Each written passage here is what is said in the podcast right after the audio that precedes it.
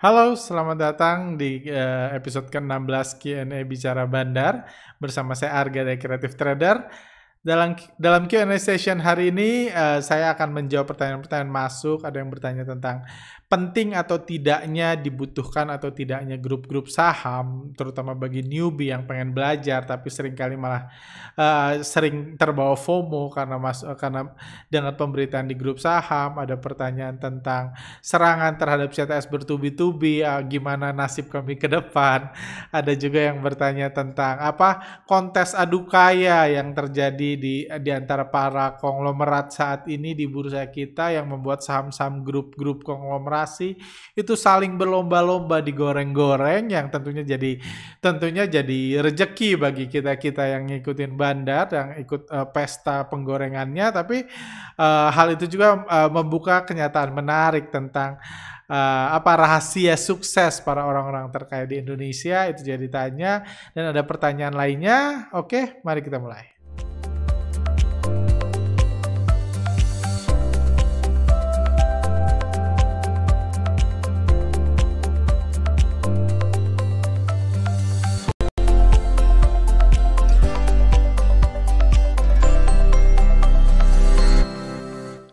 Oke, uh, pertama mungkin saya akan membahas dulu satu berita menarik, satu berita positif bagi banyak orang tentang uh, penundaan uh, penutupan kode broker yang ditunda sampai akhir Agustus 2021, ditunda satu bulan tadinya tanggal 26 Juli 2021 jadi akhir Agustus. Hal ini menarik karena memang uh, kita tahu ketika diumumkan, ketika diinstruksikan kode broker harus ditutup, uh, di uh, di bulan Februari atau Maret lalu demi melindungi bandar tentunya uh, banyak yang protes. Selain investor retail dengar-dengar kalangan AB juga AB itu sekuritas juga ada yang keberatan. Cuman pada saat itu memang alasan yang diangkat karena load bursa terlalu berat bursa yang terlalu ramai uh, apa uh, apa bu, uh, uh, banyaknya investor retail di bulan Januari Februari lalu uh, itu sangat uh, uh, intinya permintaan terhadap servernya terlalu berat yang membuat aplikasi sekuritas error jadi uh, solusinya tutup mata investor retail. Jadi supaya mereka nggak terlalu aktif atau nggak terlalu cerdas atau berkurang transaksinya jadi ditutup. Cuman uh, realitanya sekarang kan sebenarnya alasan itu sudah berakhir toh bursa udah sepi sekarang. Transaksinya udah kembali seperti awal-awal 2000 uh, 2021 lalu eh 2020 lalu. Jadi uh, uh, kondisinya sekarang sudah sepi. Tapi memang kebijakan itu karena memang untuk kepentingan bandar memang harus tetap dipertahankan. Karena Uh, cuma uh, akhirnya banyak AB yang mengatakan belum siap, akhirnya ditunda sebulan.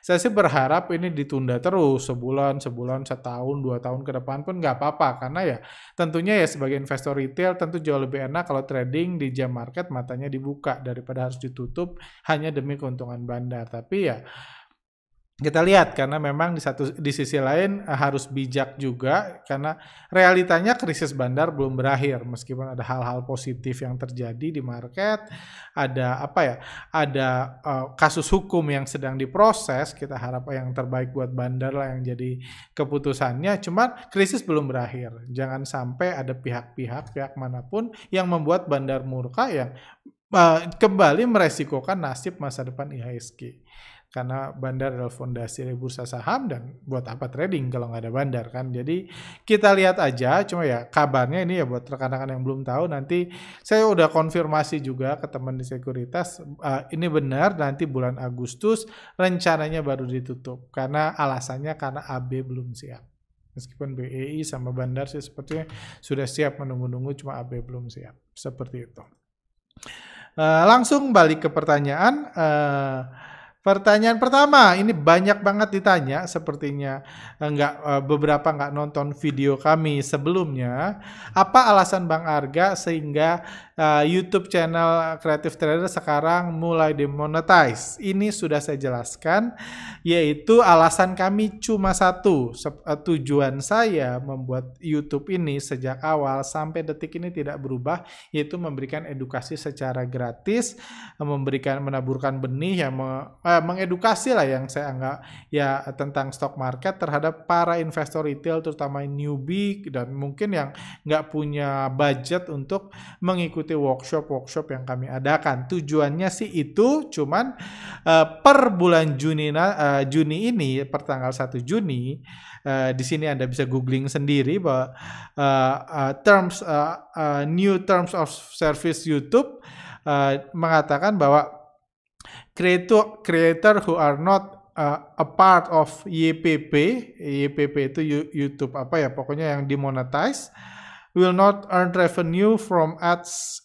created by YouTube on their videos gitu. Jadi YouTube essentially reserve the right to place ads in any content of its choice. Intinya terlepas dari kami menolak misalnya kami menolak memonetize YouTube kami, YouTube punya hak untuk uh, menaruh iklan sebanyak mereka mau di channel YouTube kami. Karena ya itu kebijakan per 1 Juni, jadi pertanyaannya cuma satu, Anda mau dimonetize atau tidak? Itu pertanyaannya karena kebijakan YouTube, karena itu akhirnya kami monetize jujur saya pribadi sampai detik ini masih berharap YouTube saya nggak ada YouTube kalau buka kadang-kadang saya buka channel atau baca komen harus lihat iklan sih saya pribadi nggak suka. Jadi kayaknya mulai minggu depan saya mau beli YouTube Premium khusus buat ini kayak gitu. Uh, khusus supaya nggak harus ngelihat iklan lagi di YouTube.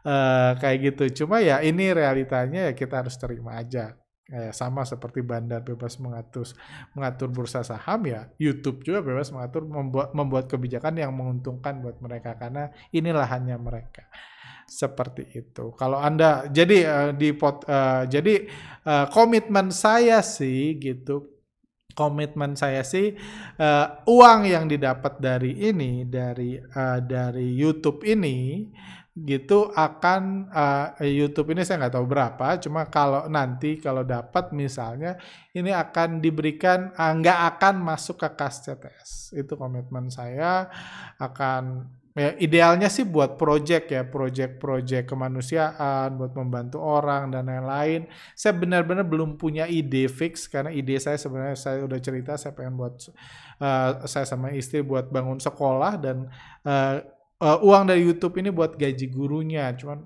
masih nggak akan satu dua nggak akan satu tahun lagi itu terrealisasi. Jadi untuk saat ini sih mungkin akan dimasukkan dulu ke rekening donasi atau apa karena sampai saat ini kami masih punya budget untuk kemanusiaan dan masih cari nih lahan-lahan subur yang bisa kami tabur supaya uang yang didapat itu bisa berbuah dan bisa uh, membantu kepentingan orang banyak. Tapi untuk monetis monetisasi YouTube alasannya karena itu.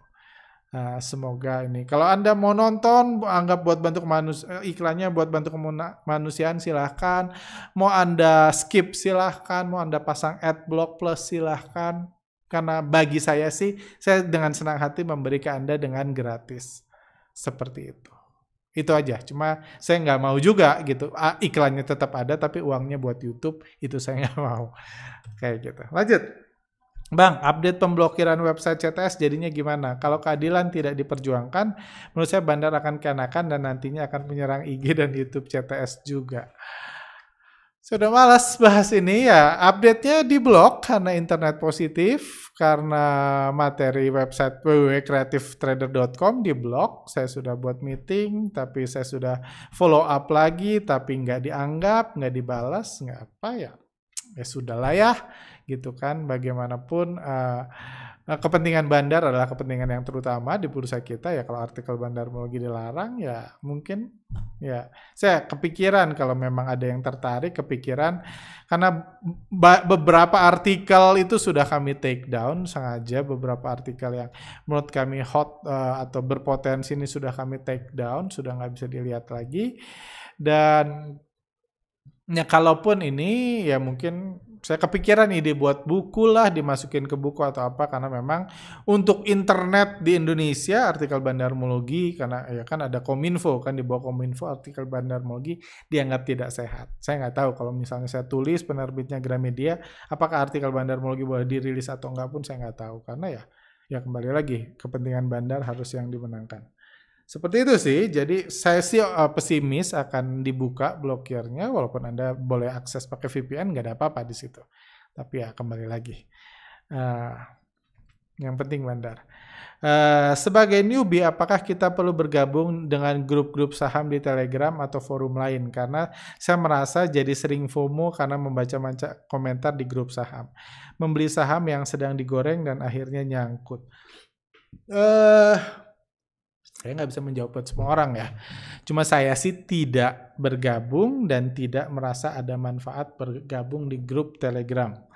Saat ini eh, di grup-grup eh, ini ya grup-grup. Ya kecuali saya bisa memberikan manfaat ke mereka tapi obrolan di situ saya bukan bilang obrolannya jelek negatif eh, jadi FOMO enggak. Cuma saya memang orang penyendiri itu satu. Jadi mungkin saya dengan Pak Jan Silva ini uh, apa uh, mungkin orang yang berbeda kayak gitu. Tapi benar uh, karena kalau pemikiran saya ya rasanya kita sulit punya komunitas yang sangat-sangat positif, sangat mengedukasi, sangat mempedulikan Anda.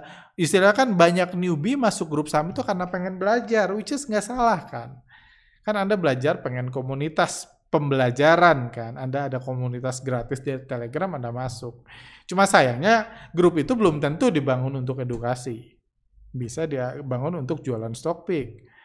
Bisa dibangun untuk mencari eh, meng, apa menjaring retail supaya bisa membeli saham-sahamnya yang mau didistribusi bandar atau apa pun dan ya anda bayangkan lah kan grup Telegram itu isinya bisa 500, 1000 orang, 1000 orang dari berbagai penjuru, berbagai latar belakang dan sering kali yang yang rajin ngomong itu belum tentu yang paling pintar. Kadang-kadang yang pintar sibuk, fokus trading dan lain-lain nggak ngomong.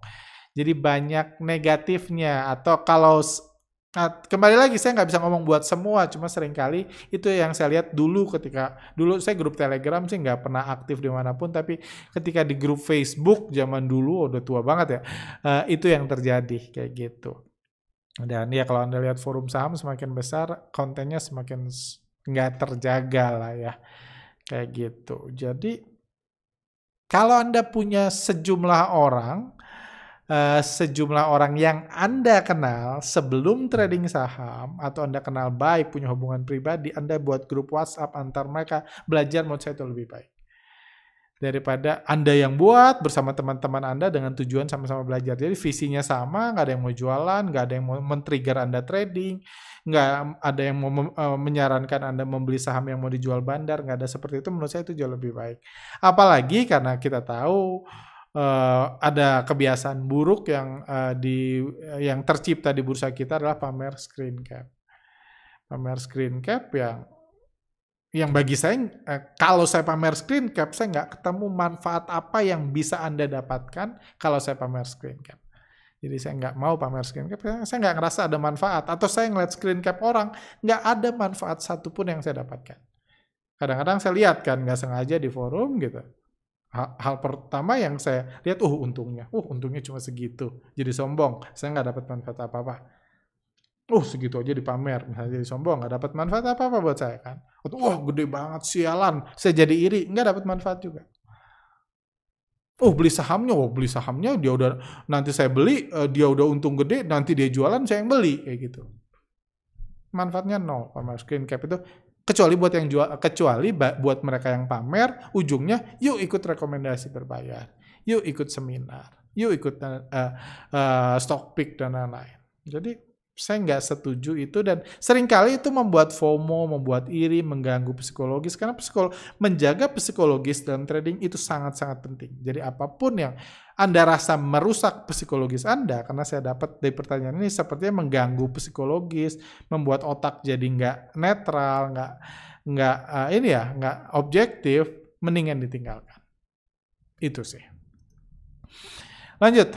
Uh, Pak Arga izin bertanya, saya ingin berinvestasi ke dalam saham tetapi ingin mendapatkan dividen dari masing-masing saham. Apakah Pak Arga ada tips mencari dividen yang yang bagus dengan harga saham yang murah? Saya sendiri nggak tertarik untuk dividen karena dividen itu uh, ada dividen trap di mana sengaja digoreng dividen udah tuh jatuh lebih dalam. Udah itu ada juga dividen yang naik turun, tahun lalu gede, tahun ini turun kayak gitu. Jadi Nah, saya sih nggak pernah trading untuk ngincar dividen. Itu lima tahun terakhir saya nggak pernah trading buat ngincar dividen karena saya kadang-kadang memanfaatkan momentum dividen. Dekat-dekat RUPS, misalnya saya lihat ada akumulasi, saya masuk, ternyata benar habis pas RUPS diumumkan uh, ininya besar gitu. Uh, apa?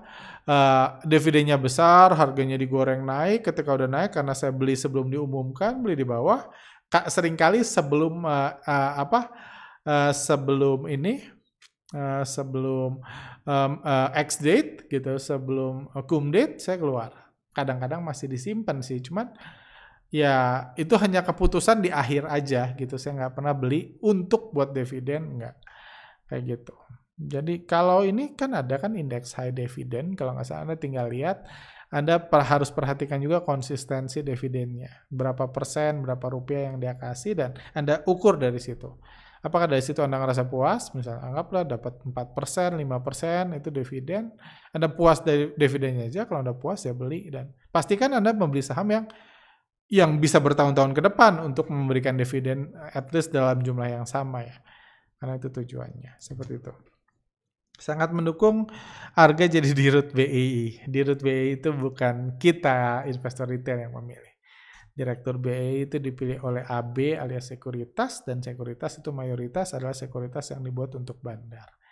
Jadi bukan investor retail uh, yang ini yang memilih di root BI. Jadi terlepas Anda mendukung saya pun kita nggak bisa milih kok. Ini tempatnya mereka. Uh, Bang Arga, apakah Bang Arga pernah tetap beli saham busuk karena tahu akan digoreng untuk incar cuan? Mohon dijawab di podcast berikutnya. Sering. Sejak saya ngomong busuk investing, saya sering beli saham busuk.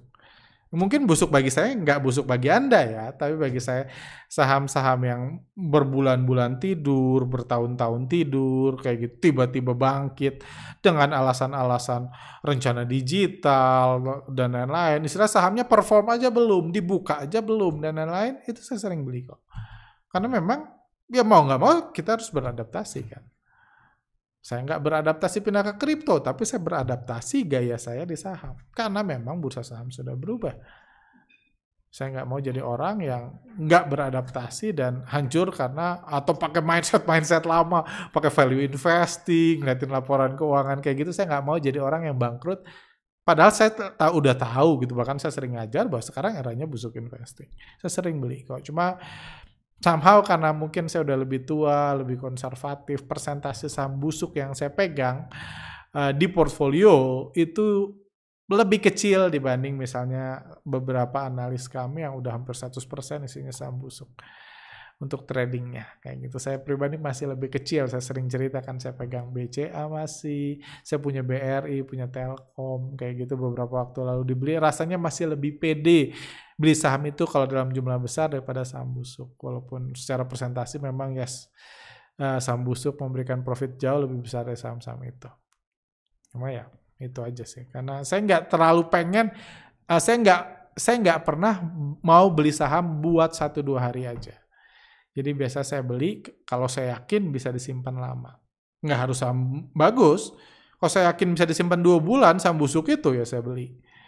Cuma kalau udah digoreng terlalu panas dan saya belum beli sama sekali, biasa saya, oh saya saya, saya takut saya beli hari ini tiba-tiba auto reject atas, udah itu besok harus saya jual, saya ngerasa itu terlalu berisiko. Kayak gitu. Nah, jadi itu sih, saya masih cukup konservatif tapi saya beradaptasi. Mungkin saya harus belajar untuk semakin meningkatkan apa eh, rasio saham busuk di portfolio saya karena memang bursa sudah berubah. Gitu sih. Pak Arga mau tanya, buat belajar startup itu dari mana ya? Bisa info mungkin buku atau website yang recommended. Uh, kemudian untuk uh, busukmologi kapan Pak workshopnya? Saya dikasih beberapa PDF, beberapa link. Nah, aduh susah ya. Uh, saya nggak tahu sih kalau ada ini. Buku-buku startup banyak sih Anda bisa belajar. Cuman pembelajaran terbaik saya tentang startup adalah berkecimpung langsung. At least Anda ngobrol-ngobrol sama orang yang memang berkecimpungnya di dunia situ. Karena saya pribadi sangat amazed tentang dunia tentang dunia itu bagaimana mudahnya mendapat uang, bagaimana gilanya valuasi dan bagaimana berubahnya mindset membangun bisnis saat ini, terutama di Jakarta.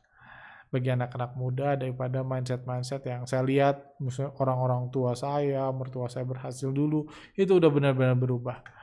Kayak gitu atau mindset bangun bisnis 5 10 tahun lalu aja udah berubah banget sama sekarang dan ya paling enak sih kayak gitu sih. Cuma ya belum dibuka buat retail juga sih masalahnya kan invest di startup itu cuma kalau anda kenal ini anda ngobrol anda akan belajar banyak pelan-pelan lama-lama dapat sendiri. Karena ya ini bukan bursa saham ya. Retail diundang sebanyak mungkin. Venture capital itu mainnya konglomerat baik dalam dan luar negeri.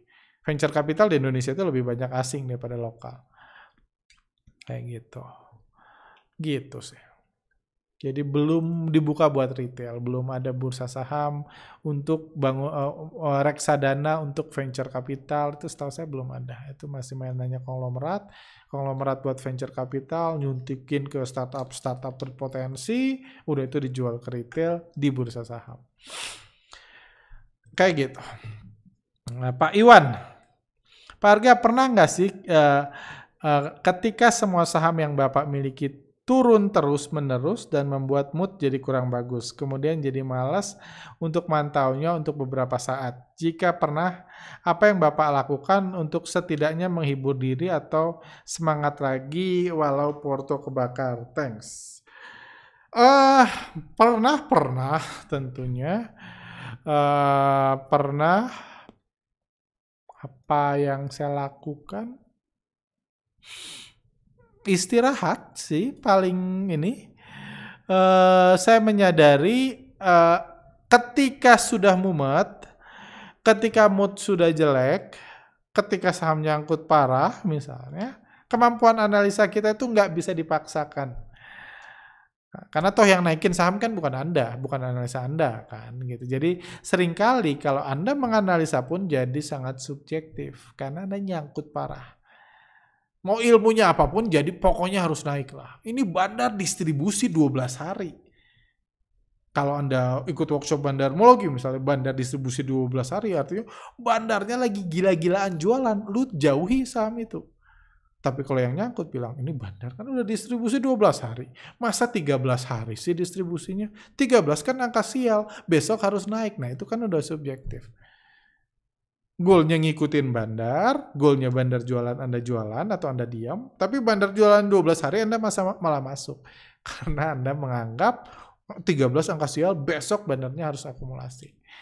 Jadi memang ketika eh, saham eh, semua saham atau mayoritas saham yang kita punya pada turun, emang wajar kalau kita ini Uh, kalau kita apa? Kalau kita jadi bad mood, jadi malas mantau, kalau nganalisa pun jadi subjektif itu wajar karena itu udah kena ke psikologis. Dalam podcast uh, tentang technical saya bahas tentang pain tolerance itu biasanya sudah kena ke batas pain tolerance. Itu memang sulit. Uh, hal yang biasa saya lakukan biasa istirahat satu dua hari nggak lihat market kalau bisa ini itu membantu uh, membantu untuk ini nggak diliatin dan apa ya sebenarnya kalau anda mau kurangin aja. Karena sering kali stres itu muncul karena harga sahamnya jatuh terus dan anda nggak punya cash sama sekali. Cash dalam portfolio kalau dalam teori uh, uh, apa uh, psikologi trading cash itu menunjukkan power. Anda akan merasa powerful ketika anda punya cash anda akan merasakan itu. Merasa powerful ketika Anda punya cash. Semakin besar cash Anda, Anda wow, merasa powerful nih. Gue bisa beli saham apa aja. Gue bisa average down. Gue bisa bangun strategi. Gue bisa. Anda akan merasa powerful. Ketika cash Anda habis, Anda merasa powerless. Sekarang gue cuma bisa berdoa. Mudah-mudahan bandar naikin saham gue. Karena Anda nggak punya cash lagi. Anda nggak bisa ngatur itu. Jadi uh, hal lain yang bi biasa saya lakukan, kalau ini biasanya saya bersihin portfolio saya. Saya ketika marketnya jelek, jumlah saham di portfolio saya selalu berkurang. Kadang-kadang ada saham-saham yang misalnya ruginya masih kecil, untungnya kecil, saya bersihin dulu. Yang penting saya punya cash dulu.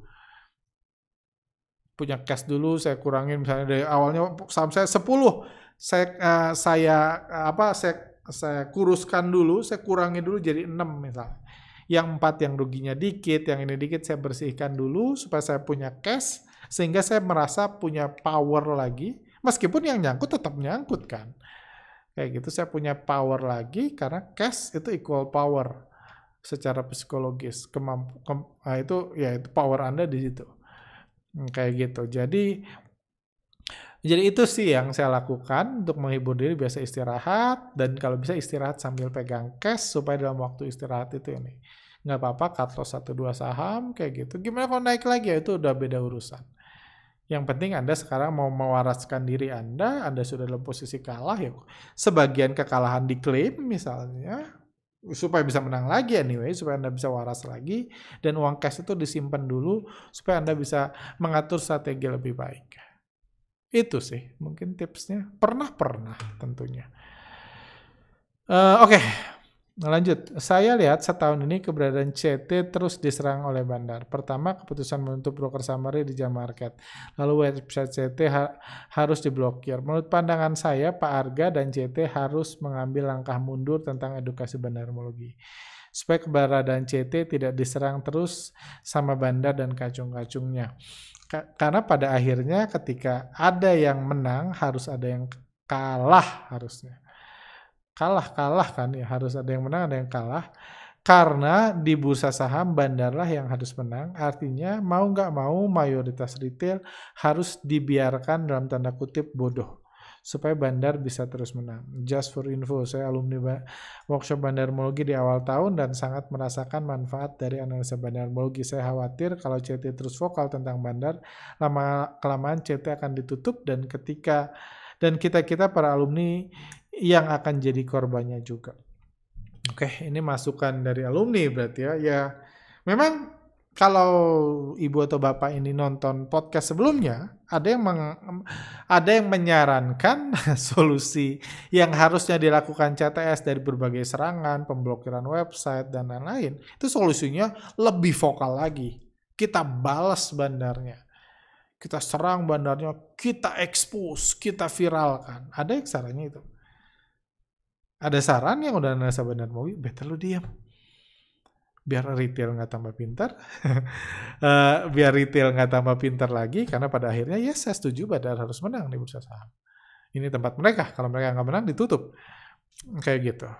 Uh, kayak gitu. Jadi ya memang ya itu dilema yang selalu ada dalam diri saya. Pertama pertanyaannya karena saya percaya uh, dalam hidup apa pun yang anda lakukan pasti ada yang nggak suka apa pun anda yang uh, lakukan pasti ada yang nggak suka. Jadi kalau orang anda nggak mau orang-orang nggak suka pada anda, jangan melakukan apa-apa. Tapi paling istri, anak anda yang nggak suka. Karena anda jadi pengangguran diam aja kayak gitu. Jadi ya memang ya kembali lagi. Jadi kan kuncinya adalah garis tengah kan. Kurang lebih di titik mana nih garis tengahnya. Di satu sisi yes saya pengen mengedukasi orang secara gratis ya dengan ilmu yang saya tahu saya nggak banyak nggak banyak ngajarin teknis dalam podcast ini saya lebih banyak pola pikir atau kalau pertanyaan-pertanyaan saya coba jawab cuman saya nggak banyak ngajarin teknis karena untuk menghormati setengah yang lain yang mungkin udah ikut workshop bandarmologi ngerasa berguna tapi takut kalau lebih semakin banyak yang punya yang ikut workshop atau semakin banyak yang pinter bandarmologi nanti bandarnya semakin murka sama CTS, CTS-nya ditutup, mungkin server datanya dihancurkan atau dihack dan lain-lain saya juga mengerti. Jadi kan kuncinya garis tengahnya. Jadi Nah, so far sih yang saya pegang adalah yes, saya sudah sebenarnya sudah mungkin Anda nggak sadar ya, tapi kalau dari rencana saya dan saya sudah mengambil langkah mundur seperti nggak buat heboh, kasus penutupan website dan lain-lain. Saya ini dan saya pribadi ya mau ditutup broker summary pun nggak apa-apa karena itu pun ya ada manfaatnya untuk mengurangi trader-trader yang mau belajar-belajar di awal tentang pergerakan bandar kalau broker summary ditutup jam, di jam market itu bisa uh, ini bisa mengurangi uh, ya mengurangi jumlah penggunaan bahasa bandar saya juga ya sudah nggak apa-apa kan. Anda tahu anda ya walaupun saya kecewa dengan keputusan ini cuma saya tahu ya kembali lagi itu realita di bursa ya nggak apa-apa.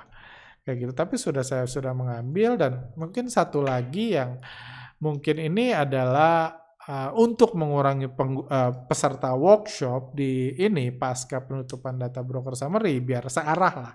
Searah uh, ininya searah apanya uh, searah uh, langkahnya gitu untuk mengurangi pengguna bandarmologi sepertinya dengan berat hati workshop bandarmologi nanti per bulan berarti September ya karena dimundurin sampai Agustus per bulan September sepertinya harganya akan kami naikkan kalau Anda nonton podcast akhir tahun, podcast edisi spesial Bicara Bandar Season 1, saya bilang sebenarnya setiap tahun workshop Bandar Mogi itu kami naikkan sebelum dimulainya pandemik. Karena saya ngerasa nggak enak, cuma ya itu salah satu langkah mundur yang coba saya lakukan. Walaupun kembali lagi, saya nggak mau berhenti mengedukasi retail. Saya juga di satu sisi nggak mau berhenti ngadain workshop, karena ya saya punya tanggung jawab juga buat alumni, mengupgrade, dan lain-lain. Cuman ya saya coba eh, tarik garis tengahnya, saya tahu nggak mungkin membahagiakan semua pihak, karena mustahil, karena ini dua kepentingan yang bertentangan kan. Nggak mungkin dua-duanya happy, tapi ya saya coba meningkatkan kualitas, edukasi, uh, apa konten buat khusus buat alumni, juga coba membuat konten yang mengedukasi tanpa terhalus terharu harus membuat murka bandar buat para investor retail yang nonton secara gratis di YouTube. Itu aja sih karena agak susah gitu karena karena kembali lagi kan apa pun yang kami lakukan pasti ada yang keberatan. Pak Arga, pernah nggak sih eh, Pak ketika semua ini udah pernah ya? Udah. Saya menyesal baru tahu YouTube CTS sebulan terakhir. Pengajaran Bapak tentang pentingnya fokus sangat mengena sekali. Kalau saja saya dengar sebelum saya nyangkut parah di kripto, eh, karena mengikuti youtuber-youtuber saham yang juga beralih ke kripto bulan lalu dengan alasan diversifikasi investasi.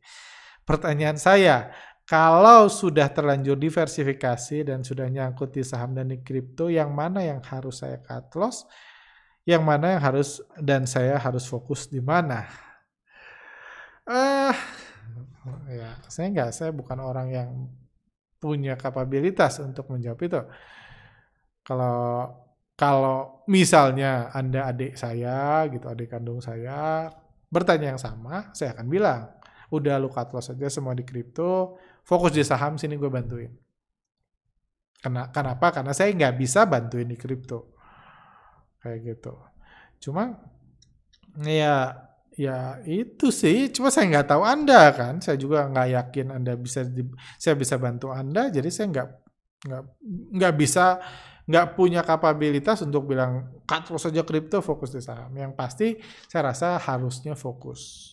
Anda harus fokus dan di podcast sebelumnya saya bahas sih. Jadi Anda harus lihat mana Anda lebih suka, mana cocok dengan karakter Anda, mana lebih pas dengan jam kerja Anda, aktivitas Anda sehari-hari, trading yang mana, mana Anda yang masih lebih percaya akan akan sukses dalam jangka panjang, itulah yang jadi pertimbangan. Bukan mana yang lagi digoreng lebih hot. Uh, lebih hot oleh bandar. Itu bukan itu. Karena bandar ngegoreng hot nanti disusul dengan bantingan yang hot. Nanti ada kebanting terus kalau parameternya cuma itu. Ikut kripto dibanting. Kripto kato sekarang saham lagi digoreng nanti saham dibanting nanti ujungnya gagal semua. Jadi ya pertimbangannya jangan keuntungan tapi sini dan ya uh, pertimbangan kinerja juga saya udah jelaskan podcast sebelumnya. Kalau youtuber lain ya Anda harus ngerti lah karena ya ya beda dong gitu. Beda jangan samakan Anda trader dengan youtuber. Youtuber yang bahkan ya saya juga dimonetize sekarang. Youtuber yang memang cari duitnya dari buat konten ngundang sana sini buat viral segala macam karena mereka cari duitnya dari konten. Tolong jangan disamakan dengan investor saham. Karena orang kalau dia investor saham, nah uh, ya mungkin dia ada uangnya dimasukin ke saham, dimasukin ke kripto, tapi goal dia kan, kan dia buat YouTube, goalnya bukan buat itu. Kayak gitu. Jadi ya kalau saham lagi sepi, ya gue pindah ke kripto. Kripto lagi hancur, gue pindah lagi ke saham sekarang supaya yang nonton banyak kan anda harus ngerti eh, harus coba masuk ke dalam uh, sepatu mereka dan lihat karena atau misalnya oh, uh, mereka keahliannya adalah kursus mewarnai kalau kursus mewarnai candlestick saham gak laku ya buat candlestick itu apa bedanya kan fokus mereka skill mereka mewarnai kayak gitu buat skill mereka mewarnai. Sementara kalau yang yang skillnya adalah membaca laporan keuangan, ketika kripto naik gila-gilaan, mereka akan setengah mati bilang ini nggak ada underlying asset. Ini nggak ada underlying asetnya, ini nggak ada ininya, nggak ada growth-nya, nggak ada lain. Kenapa? Supaya orang pengen underlying aset itu apa? Belajar ke gua, ikut seminar, klik pada link di bawah. Nggak ada yang salah, nggak ada yang salah. Cuma Anda ya, saya, saya ajarin Anda buat mengerti lah realitanya. Jangan ya ada banyak ilmu yang di-share YouTuber-YouTuber, para itu edukator-edukator ada banyak ilmu, Anda serap ilmunya, cuman actionnya Anda harus translate ilmu yang didapat dengan action Anda. Karena ya saya ngerti, saya juga ngadain workshop, saya tahu betapa sepinya workshop. Bulan April lalu, bulan Mei lalu, sepi banget workshop kalau orang income-nya pure dari workshop, workshopnya sepi atau pure dari YouTube, YouTube viewersnya kecil ya wajar dia gantian. Sangat wajar kok gitu. Anda nggak bisa nyalahin mereka juga kayak gitu. Cuma Anda harus lebih cerdas kalau karena ini uang Anda, Anda yang harus bertanggung jawab. Mereka juga bertanggung jawab kan dengan kerjaan mereka, makanya mereka bertransisi atau dengan alasan diversifikasi. Pak Arga mau tanya seberapa besar kemungkinan bandar uh, goreng IHSG di bulan Juni buat narik kembali retail saat Broksum ditutup nanti bulan Juli. Semoga dijawab dan sehat selalu buat Pak Arga dan tim CTS semua. Ya, pertama mundur jadi Agustus. Uh, istilahnya bandar perlu menarik kembali investor retail karena bursa saham akan semakin kacau kalau bursa saham semakin sepi. Dan puji Tuhan kan ada banyak saham-saham yang nggak ada terkait krisis bandar, yang memiliki konglomerasi dan lain digoreng-goreng gila-gilaan kan itu dibutuhkan supaya orang ditarik lagi. Anda lihat kalau grup-grup saham sekarang, Anda lihat udah jauh lebih positif, orang udah pamer cuan lagi dan lain-lain. Itu yang membuat uang masuk lagi ke bursa yang meningkatkan omset bandar. Harus terlepas uh, bursanya ditutup atau broker saham ditutup atau enggak, bandar perlu melakukan itu. Bandar tidak melakukan itu bulan-bulan kemarin karena krisis bandar. Dan itu pun hanya saham-saham yang di krisis bandar yang nggak naik. Saham-saham yang nggak kena krisis bandar digoreng gila-gilaan. Saya udah ngomong tiga bulan terakhir. Busuk investing itu banyak perusahaan busuk yang ruginya nggak kira-kira bertahun-tahun rugi terus itu digoreng gila-gilaan karena dia nggak terikat pada krisis bandar. Jadi kripto ini ada sisi positifnya juga membuat bandar lebih hati-hati dan nggak semena-mena dalam ngebanting saham. Kayak gitu. Karena bandar saham punya apa ya komitmen lebih terhadap sahamnya. Karena gue bandar saham itu gue nggak bisa nyetak lagi sahamnya. Gue udah punya banyak untuk ngebandarin, gue udah punya 1-2 juta lot. Mereka butuh orang tertarik lagi beli saham itu beda sama bandar kripto. Bandar kripto ya udah ini nggak laku, udah dibanting gue cetak baru kriptonya. Kayak gitu. Gue cetak baru. Seperti itu. Saya belum ngerti fit ini fit mana ya? Kenapa bandar yang masuk banyak? Kenapa kalau bandar yang masuk banyak harga bisa naik ribuan persen, tapi kalau retail yang masuk malah turun gocap. Maaf newbie, tolong dijawab di podcast. Mungkin ini yang apa yang uh, apa yang Indofood ya, uh, grup uh, apa direktur Indofood atau apa yang uh, ini kan membeli saham sampai naik ribuan persen. Kenapa kalau bandar atau pemain besar yang beli harga naik? Karena pemain besar beli dari retail. Kan itu aja kunci. Kenapa retail? Uh, karena pemain besar yang beli, pemain besar untung kalau harganya naik, maka harganya akan naik. Nah, Anda nonton uh, video edukasi di channel kami tentang cara naikin harga, apa live bandar menggoreng saham kalau nggak salah. Supaya Anda tahu mekanisme pergerakan harga saham. Kayak gitu. Jadi kalau bandar yang masuk, retail yang beli dari retail wajar harga naik. Terus kenapa kalau retail yang masuk, harga turun? Karena bandar yang jualan. Karena kembali lagi, bursa saham diatur oleh hukum kebebasan bandar. Loh kok ini lagi sih? Lanjut. Uh, saya, uh, saya baru mengenal YouTube cerita sebelum terakhir pengajaran Bapak tentang... Uh, oh ini sama ya? Oke. Okay. Nanti di dua tempat dia nanya. Pak Arga, uh, saya mohon bantuannya. Saya minta tolong buatkan analisa saham GIA. Bulan Januari lalu uang pesangon saya ya again. Dibelikan GIA untuk karena dipromosiin sama ditutup. Saya kira karena dia orang baik harga GIA akan terus naik. Nggak nyangka kalau ternyata duit apa ini beliau sikat juga nggak ngerti duit eh, lanjut dulu aja nggak nyangka Gia ternyata di itu perusahaan yang hampir bangkrut dan sekarang uang pesangon saya sudah hilang hampir setengahnya. Mohon sarannya Pak, saham Gia uh, saya harus diapain?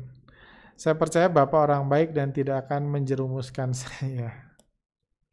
Karena uang pesangon ini sangat penting buat tabungan hari tua saya. Sekarang saya kerja serabutan dan tidak akan dapat uang pensiun lagi. Kalau berkenan tolong dibahas di podcast karena teman-teman saya juga banyak yang nyangkut di saham ini. Ah, udah serba susah ya. Iya gimana sih ya? Pertama ya, terlepas Anda anggap saya orang baik atau bukan, nggak ada ininya, nggak ada korelasinya karena saya bukan saham Gia. Kalau saya orang baik dan saya, eh saya bukan bandar Gia. Kalau saya orang baik dan saya mau ngegoreng Gia, baru solusi Anda uh, diselesaikan, Anda dapat solusi dari masalah Anda kayak gitu dan siapa pun yang itu ya Gia sendiri udah turun luar biasa sih ya. Cuma ya kalau Anda lihat ya dibanding Desember lalu sebelum dipom-pom masih ini sih. Nah ini kan sebenarnya udah pandemik, udah rugi besar. Cuma lagi dipom-pom aja, lagi dipromosiin oh retail suruh beli wajar kayak gitu dan harga sahamnya sekarang jatuh. Eh, cuma kalau saya coba lihat broker summary-nya deh dikit karena saya nggak punya saham Gia dan nggak minat beli saham Gia. Itu hal pertama yang bisa saya kasih tahu. Uh, Gia, kayaknya kemarin di Gathering kalau nggak salah. Gathering pun ini. Kita lihat dari penurunannya deh dari 521 521 sampai hari ini kita lihat apakah ada yang akumulasi GIA, apa yang ada distribusi.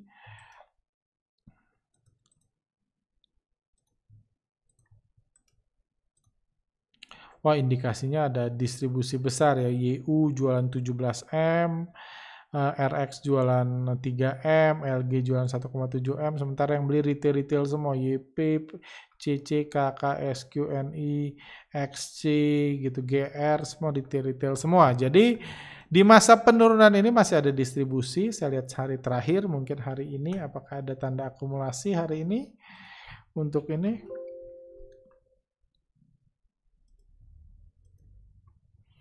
Uh, hari ini pun belum ada tanda akumulasi, jadi saya nggak berani menyarankan untuk apa-apa di saham ini, jangan beli. Cut loss juga saya rasa ya jangan. Ya saya nggak tahu karena kalau e, baca ini ya seharusnya bapak kemungkinan besar bapak ini sudah dalam cukup stres ya menghadapi ini e, karena uang pesangonnya hilang setengah dan lain-lain. Ya biarin dulu aja sih. Saran saya jangan average down. Pertama karena banyak lagi distribusi. Uh, kedua juga karena saya yakin dalam kondisi sangat kayak gini, uh, secara mental Anda nggak bisa berpikir secara rasional. Jadi kalau Anda bisa dengar nasihat saya, saran saya jangan average down dulu. Karena harga GIA masih cukup oke okay ya untuk perusahaan yang terus rugi. Karena contohnya bulan Maret lalu aja masih di ini masih di 150 sekarang uh, di 240 masih naik 100 untuk perusahaan Airlines yang ruginya besar-besaran sekarang ada isu-isu ditutup saya rasa ini. Cuman satu hal lagi eh, cuman saya, saya nggak juga menyarankan cut loss. Ya karena saya nggak tega aja nggak cut loss takut. Ya karena yang pasti banyak pemain besar masih punya saham ini, banyak reksadana reksadana eh dapen dapen punya saham ini. Jadi saya nggak percaya saham ini akan ditutup, di delistingkan, digocapkan dan lain-lain. Ini hanya bantingan aja. Retail-retail yang beli ini nanti ketika udah cut loss akan ada waktunya lagi digoreng lagi, dipom-pom lagi. Terlepas ya perusahaannya gitu-gitu aja. Dari dulu pun gitu-gitu aja. Cuma sekarang memang belum ada dipromosiin lagi aja ke retail-retail seperti awal tahun lalu. Gitu sih. Sorry nggak bisa banyak bantu. Yang pasti saya belum lihat ada akumulasi banyak. Dan saya pun nggak terlalu pengen beli sih saham Gia. Pak, apakah benar kalau bandar yang menggambar chart, maksudnya waktu dia naik, turunkan harga sambil lihat chartnya, TA-nya. Saya perhatikan waktu fase sideways, kok bisa pas nyentuh resist, harga langsung turun lagi.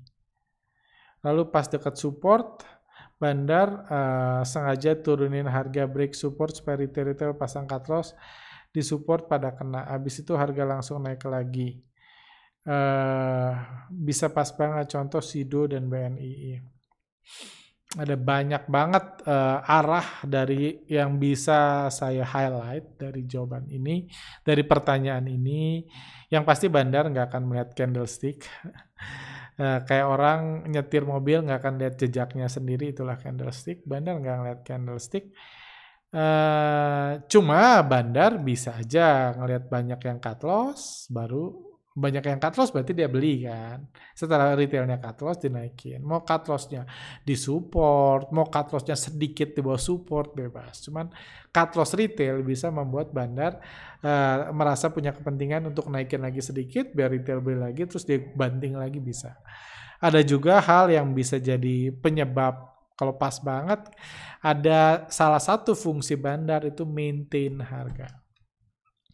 Bisa aja bandar dapat uh, dapat ini dapat apa ya dapat perintah dapat ini ini ada kepentingan bilang tolong jaga saham gua. Nggak boleh turun dari 400 uh, juga naiknya juga jangan sampai ke atas 500 jadi itu tugas dia ada pihak lain atau pemegang saham atau siapa pun punya kepentingan itu pokoknya saham ini nggak boleh turun ke bawah 400 nggak boleh naik ke atas 500 Kenapa? Bukan urusan lu. Pokoknya ini lu gua kasih saham, gua kasih duit, tolong jagain. Ketika itu terjadi, maka akan ada secara ini support-support seperti itu terbentuk atau garis-garis trend line itu terbentuk. Walaupun ya bisa aja sih sorenya tembus 400, eh siangnya tembus, Anda udah cut loss semua terus dinaikin lagi ke 410 ya bisa aja bandar tetap bebas kok. Tapi ya memang ordernya ya dia nggak boleh lama-lama atau seminggu turun di bawah 400 karena tugas dia menjaga di atas 400. Ada untuk kepentingan tertentu, kepentingannya apa nggak usah dibahas dulu lah. Kayak gitu. Mungkin ini terakhir ya udah 46 menit. Uh, terima kasih udah bantu kami eh, rakyat jelata untuk mengerti bagaimana para konglomerat menjadi orang-orang terkaya di Indonesia. Oh ini uh, apa komen story kami terakhir ya. Ternyata kunci suksesnya dari menggoreng saham uh, grup uh, ternyata kunci suksesnya dari menggoreng saham dari grupnya masing-masing bukan keuntungan dari bisnis yang dijalankan. Kalau kita melihat kalau melihat gini, apa masih ada gunanya kita sibuk-sibuk melihat laporan keuangan atau narikin garis? kalau akhirnya bandar bebas menggoreng sahamnya kapan pun mereka mau, mau fundamentalnya bagus atau fundamentalnya enggak, uh, atau jelek, enggak ada urusan sama sekali. Apa memang bursa sudah seperti ini dari dulu? Kenapa tidak ada edukasi sama sekali ke investor retail tentang ini? Uh, mungkin ini bahas tentang heboh saham MNC yang semua jenis sahamnya digoreng hanya karena BABP ya memang kalau Anda lihat fokus pemberitaan memang fokusnya sedang mempromosikan saham ini. Saham-saham grup MNC dan dari pagi setiap pagi perdagangan juga saham grup MNC langsung diterbangin. Jadi memang itu fokusnya terlepas dari siapa yang diuntungkan yang nggak usah kita bahas di sini. Cuma memang itu lagi fokus sekarang. Cuma kalau ya itu bisa terjadi sebelumnya grup Lipo dan lain-lain dan di market outlook minggu lalu pun, akhir minggu lalu pun saya mengatakan sebenarnya bahwa investor retail, uh, bahwa salah satu yang menarik untuk dibahas adalah saham konglomerasi. Karena saham konglomerasi itu banyak yang tidak berkaitan dengan krisis bandar dan banyak yang sudah digoreng secara luar biasa. Tanpa harus takut ada big player atau wah nanti Eh, fund manager yang bermasalah keluar di atas tanpa harus ada ketakutan itu. Jadi mereka bisa goreng dengan bebas dan terlepas dari ada hubungannya atau enggak, ada berita bagus atau enggak, ya oh, gue lagi mau tambah kaya ya digoreng semua misalnya satu grup. Itu wajar terjadi.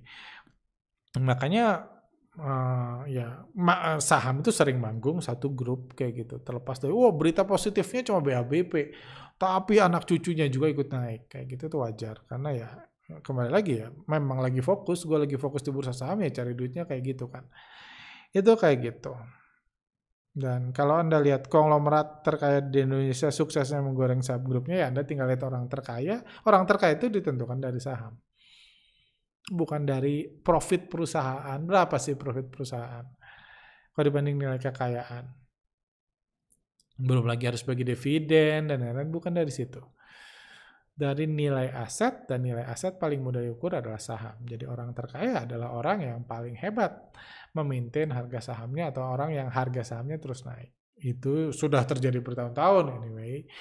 Pemilik grup BCA itu uh, pemilik grup BCA itu udah jadi orang terkaya di, uh, di Indonesia bertahun-tahun terakhir. Uh, grup Sinarmas juga uh, dengan menaikkan perusahaan-perusahaan kertasnya jadi masuk kedua terkaya. Kayak gitu. Ada grup lain gitu menaikkan saham apa atau itu. Wajar itu biasa terjadi kok. Itu salah satu cara untuk uh, meningkatkan uh, kekayaan di Forbes. Ya memang itu caranya. Kenapa kenapa tidak kenapa tidak ada edukasi sama sekali ke investor retail tentang ini? Ya, retail kepentingan retail tahu ini apa dan siapa yang mau ngajarin? Konglomerat yang itu yang ngajar, wah saya kayaknya dari ngegoreng saham deh. Ya ngapain dia ngomong itu? Buat YouTube gitu tuh ngomong itu ngapain? Nanti ngegoreng saham panjang lagi ceritanya kan. Wah, ini manipulasi lah segala macam kok valuasinya bisa segini, harganya salah dan lain-lain. Ya, jadi pelakunya atau orang yang diuntungkannya ngerasa nggak butuh melakukan itu. Uh, kalau terus siapa lagi yang ngajar komentator saham tugasnya bukan itu, tugasnya untuk cari alasan. Kalau saham ini digoreng nggak ada berita, Anda cari alasannya. Mungkin karena saudaranya digoreng, mungkin karena sentimen positif, mungkin karena di Spanyol rusuh, mungkin karena ada piala Eropa, kayak dan lain-lain bebas. Itu tugas komentator saham. Nggak ada urusannya mengedukasi Anda untuk cara konglomerat jadi kaya itu kayak gini. Bukan, itu bukan urusan mereka sama sekali. Dan toh investor retail juga kalau dia belum tahu berarti belum butuh kan. Dia belum belum pengen jadi orang terkaya di Forbes gitu. Orang terkaya di Indonesia peringkat 10 belum kalau belum tahu berarti belum punya perusahaan TBK, belum diajarin ya belum butuh tahu. Ada waktunya kalau Anda sampai level itu Anda akan diberitahu. Kayak gitu. Atau Anda belajar sendiri tentunya kayak saya. Gitu aja sih. Nggak nothing wrong. Kayak gitu memang bursa saham seperti itu. Dan bukan cuma di Indonesia anyway. Itu salah satu cara uh, cara ini. Karena jangan lupa ini stock market 2.0 ya. Stock market 2.0 di mana pergerakan harga saham nggak ini uh, apa uh, semakin gak ada hubungannya dengan ya sudah diputus hubungannya dengan uh, kondisi perusahaan atau kinerja perusahaan membuat semakin gila lagi. Dan itu di apa di dipimpin oleh bapak pom pom dunia Pak Elon Musk di mana hanya dengan menggoreng Tesla dia sempat jadi orang terkaya di dunia. Padahal Tesla sendiri untungnya berapa sih?